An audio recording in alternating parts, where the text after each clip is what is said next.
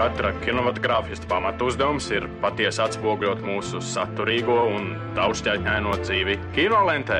Izceļot tipisko un izlaižot mazsvarīgo, akcentējot panākumus un nenoklusējot dažkārt sastopamus trūkumus. Balansējiet, nu godājiet vēseli inženieri starp pienākumu un varēšanu. Pie jūras klimats 15 minūtes par kino.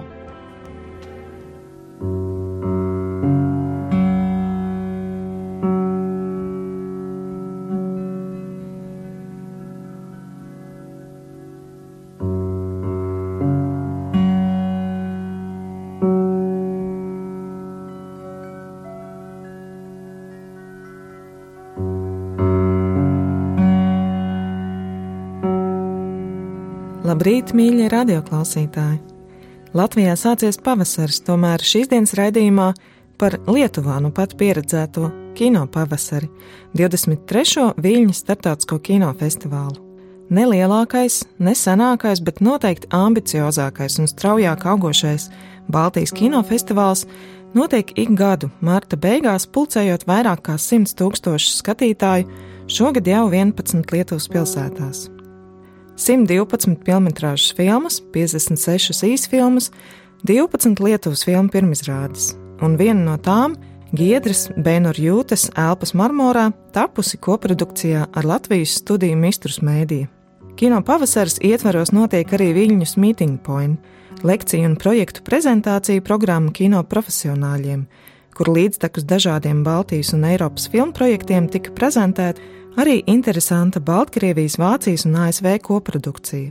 Režisors Darijas Šuk, filmas debija Kristāla Gulbis. Par šo projektu vairāk lūdzu pastāstīt filmas producentei Debijai Vandermjulenai. The idea came from Daria Zhuk, who was Belarus born. She's a film director now living in New York. However, she spent most of her young adult life standing in two worlds the world of her freshly independent home country, just starting to define its identity after the split from the Soviet Union, and her new home in America, where she stayed after finishing an undergraduate degree at Harvard. Filmas ideja radās Darjai Žuk, Baltkrievijā dzimušai Ņujorkā mītošai režisorei. Turpat visu savu agrīno jaunību viņa pavadīja balansējot starp divām pasaulēm. Nesen kā neatkarību atgūšo dzimteni Baltkrieviju, kas tikai sāk formēt savu identitāti pēc atdalīšanās no Padomju Savienības, un viņas jaunajām mājām - Ameriku, kur Darja nu pat kā bija pabeigusi bakalaura studijas Hārvardas Universitātē.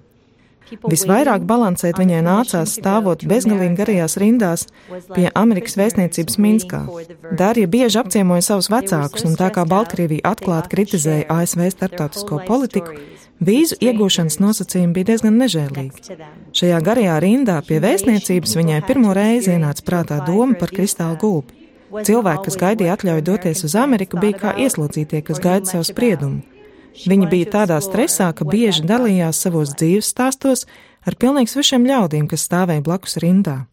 Dārijas Amerikas draugi par to nekā daudz nezināja, vai pat vispār nespēja iedomāties šo pazemojumu, kādu nācās izciest, lai pieteiktos vīzai.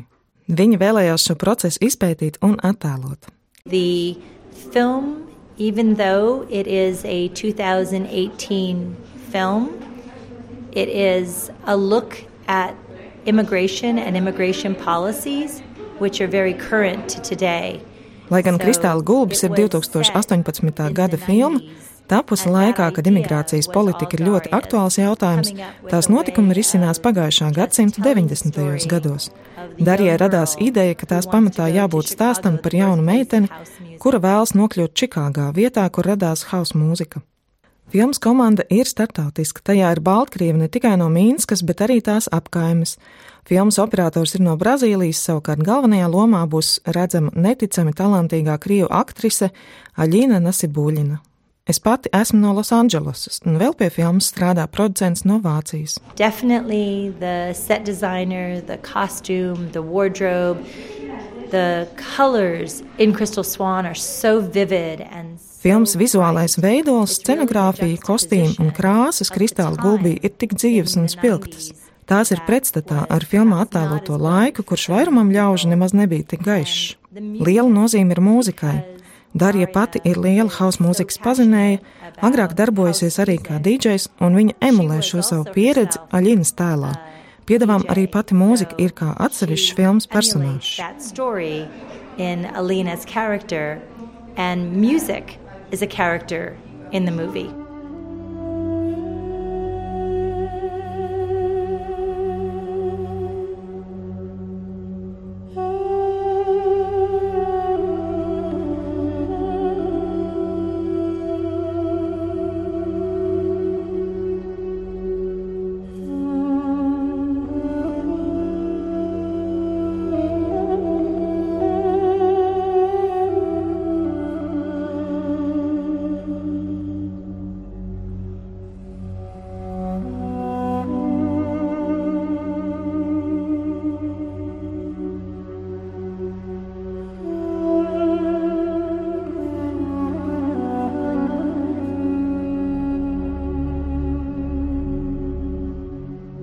Kino pavasaris programmas veidotāji, talantīgi, zinoši, drosmīgi un saliedēta kuratoru grupa patur prātā kino skatītāju neiznīdējamo vēlmi tikt izklaidētam, tomēr vienlaikus dara iespējami uz lielā ekrāna redzēt filmas, kas šokē, rosina diskusijas, pārņem savā varā un rosina domāt par kino.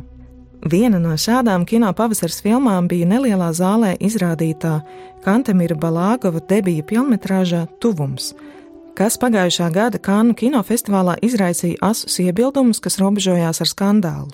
Līdzīgi kā Darijas Žuka kristāla gulbis, arī tuvums iekļaujas neo-retro filmu vilnī, kas atskatās uz mūsu neseno pagātni, laiku pēc Padomju Savienības izjukšanas. Tomēr Balāgova tuvums ir tālu no nostalģiskas atmiņu kolāžas par pārmaiņu laikiem, un filmas oriģināla nosaukums Cisnotā Tuvums, smacīgums precīzi raksturo 90. gadu beigu sprādzienu bīstamo situāciju Ziemeļkaukāzā, kur sānu pie sāna negribīgi nākas sadzīvot dažādām nelielām un lielākām etniskām kopām.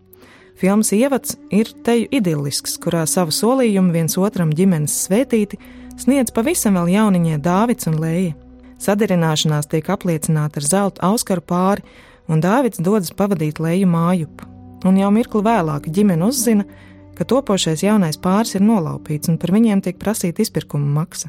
Šis notikums, it kā nereta parādība nemierīgajos 90. gados, it kā žests, ka šī ģimene nav vēlama Naļčikas pilsētā, neatgriezeniski ietekmē visu dzīves un ir skaidrs, ka nekas vairs nebūs kā bijis. Tuvums ir intensīva, smacējoša kinematogrāfiska pieredze, bet it kā ar to nebūtu gana, kādā no tās epizodēm dzerstiņā, kas notiek vietējā saviesīgās dzīves štābā, degvielas uzpildes stacijā, kāds ir atnesis VHS kaseti, ko visi, kā filmas varoņi, tā skatītāji ir spiest noskatīties, un kuras saturs šokē ne tikai filmas varoņus. Kasetē redzams izteikti realistisks, sliktas kvalitātes video materiāls, tomēr var nojaust, ka esam atsliecinieki nežēlīgai izreikināšanās ainai ar sagūstītiem krievu karavīriem. Video materiāla vizuālās kvalitātes ir tik biedējoši tuvas, amatieru filmējumam, ka kinozāle ir pamirusi, un ir kāda neizprotama iekšēja sajūta, ka tas nav inscenējums. Un tikai pēc filmas uzzina, ka nojauta nav vīlusi un ka tieši izmantotā autentiskā video materiāla dēļ, arī tā līdzības ar islāmistu kronikām mūsdienās dēļ, filmas pirmizrāda kanās straumēm pamatuši skatītāji. Mēs visi, negribot, nebrīdināti, esam bijuši atsliecinieki vairākām brutālām slepkavībām. Neraugoties uz ētisko dilēmu, Balāgo filmu ārkārtīgi augstu vērtēja ne tikai starptautiskās kino žurnālistu asociācijas Fipresī Kānu žūrija, bet arī Krievijas vadošie kino kritiķi. Tuvums pārstāv Pēterburgas kino skolu bez posmas, jēzgas un pulējuma. Tas ir bez kompromisa kails kino, kurš nav tapis, lai kādam izdabātu vai kādu iepriecinātu. Turklāt, kas būtiski, Aleksandra Sokūrova fonda atbalstīts un paša izcilā krievu režisora pāraudzīts. Subside.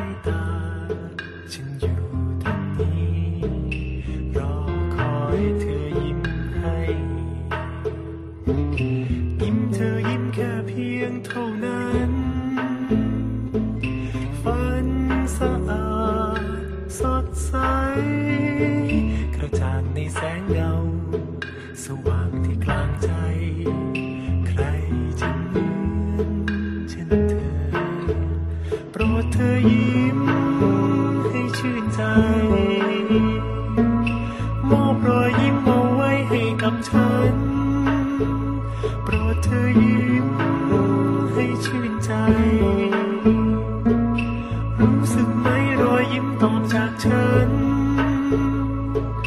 ความรักคือคำตอบรักและห่วงใย Šogad Viļņas kino notikumu kalendāru aizsāka nevis kino pavasaris, bet gan taizemiešu režisora un mākslinieka Apičatponga vīraseta kula filmu retrospektīvas un izstādes atklāšana jau 2. februārī.